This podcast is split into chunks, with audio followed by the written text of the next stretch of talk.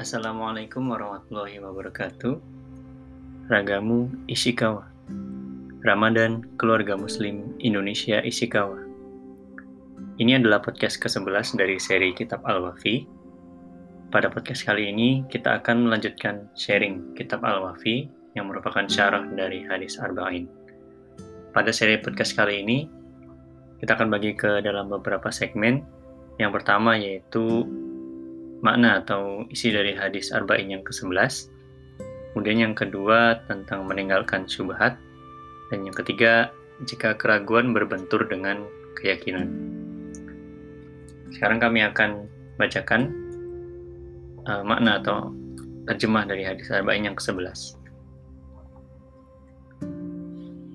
Abu Muhammad Al-Hasan bin Ali bin Abu Talib radhiyallahu an cucu kesayangan Rasulullah Shallallahu Alaihi Wasallam berkata, Aku hafal sabda Rasulullah Shallallahu Alaihi Wasallam, tinggalkan perkara yang meragukanmu dan kerjakan perkara yang tidak meragukanmu. Hadis riwayat Tirmizi dan Nasai. Tirmizi berkata, hadis ini Hasan Sohi.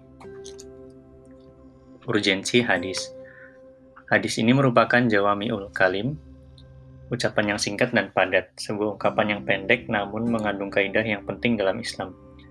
Dasar tersebut adalah meninggalkan syubhat atau keraguan dan memilih yang halal dan diyakini. Ibnu Hajar Al-Haytami berkata, hadis ini merupakan kaidah yang sangat penting dan dasar dari sikap warok yang merupakan poros dari ketakwaan, juga penyelamat dari keraguan dan ketidakjelasan yang menghalangi cahaya keyakinan. Kita akan masuk ke segmen berikutnya yaitu tentang meninggalkan syubhat.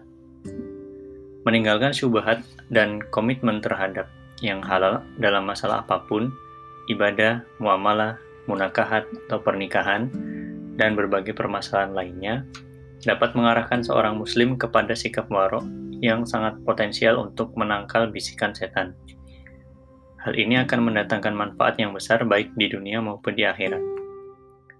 Dalam hadis ke-6 telah disebutkan, barang siapa yang menghindari perkara syubhat, maka agama dan kehormatannya akan terjaga. Sesuatu yang halal dan jelas tidak akan menimbulkan keraguan dalam hati seorang mukmin, bahkan akan melahirkan ketenangan dan kebahagiaan.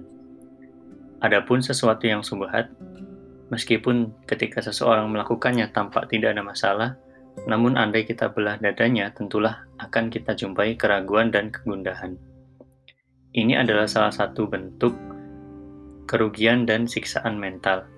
Kerugian itu akan semakin besar bila mana seseorang senantiasa melakukan sesuatu yang subhat dan akhirnya terjerumus ke dalam lembah haram.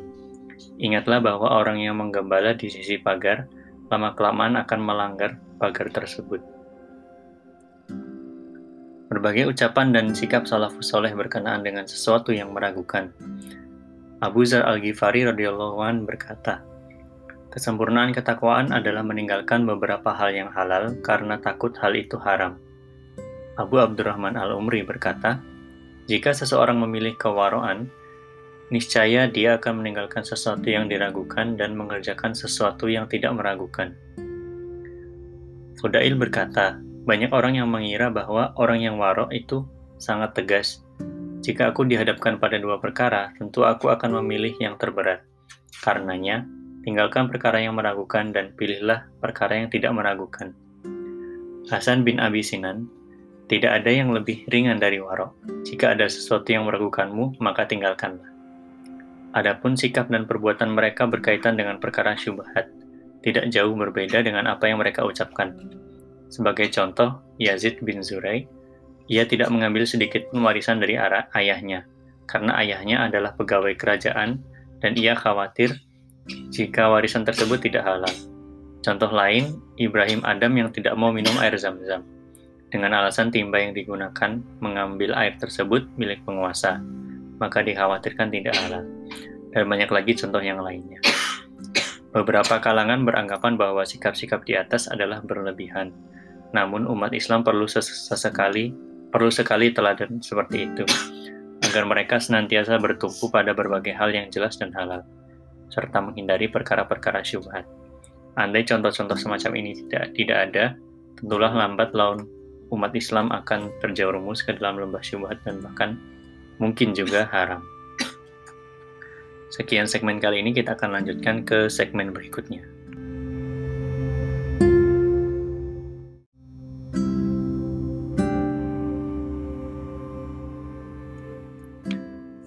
Ke segmen berikutnya, ini segmen yang terakhir, yaitu jika keraguan berbenturan dengan keyakinan, yang merupakan salah satu isi dari syarah hadis arba'in yang ke-11 yang ada di dalam kitab Al-Wafi.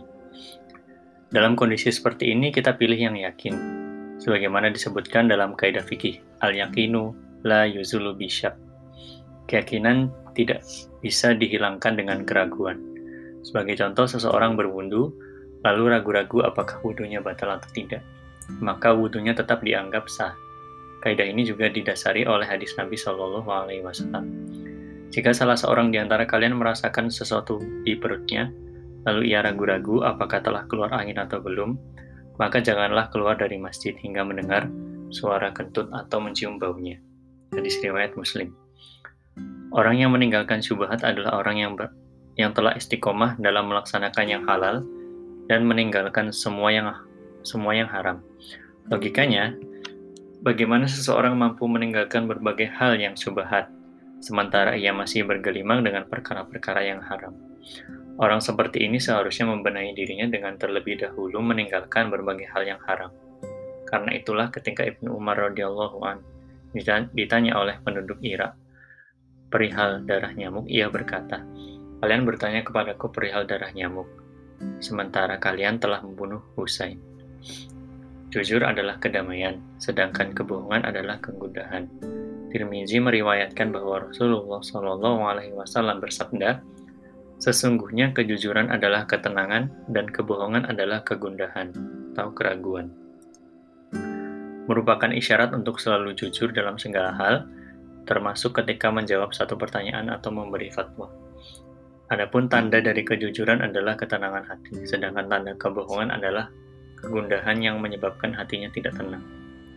Hadis ini merupakan isyarat agar kita menetapkan berbagai hukum dan menjalankan semua permasalahan dalam kehidupan atas dasar keyakinan dan bukan keraguan-raguan. Sesuatu yang halal, kebenaran, dan kejujuran akan mendapatkan kedamaian dan keridoan. Sedangkan sesuatu yang haram, kebatilan, dan dusta akan melahirkan rasa gundah dan kebencian.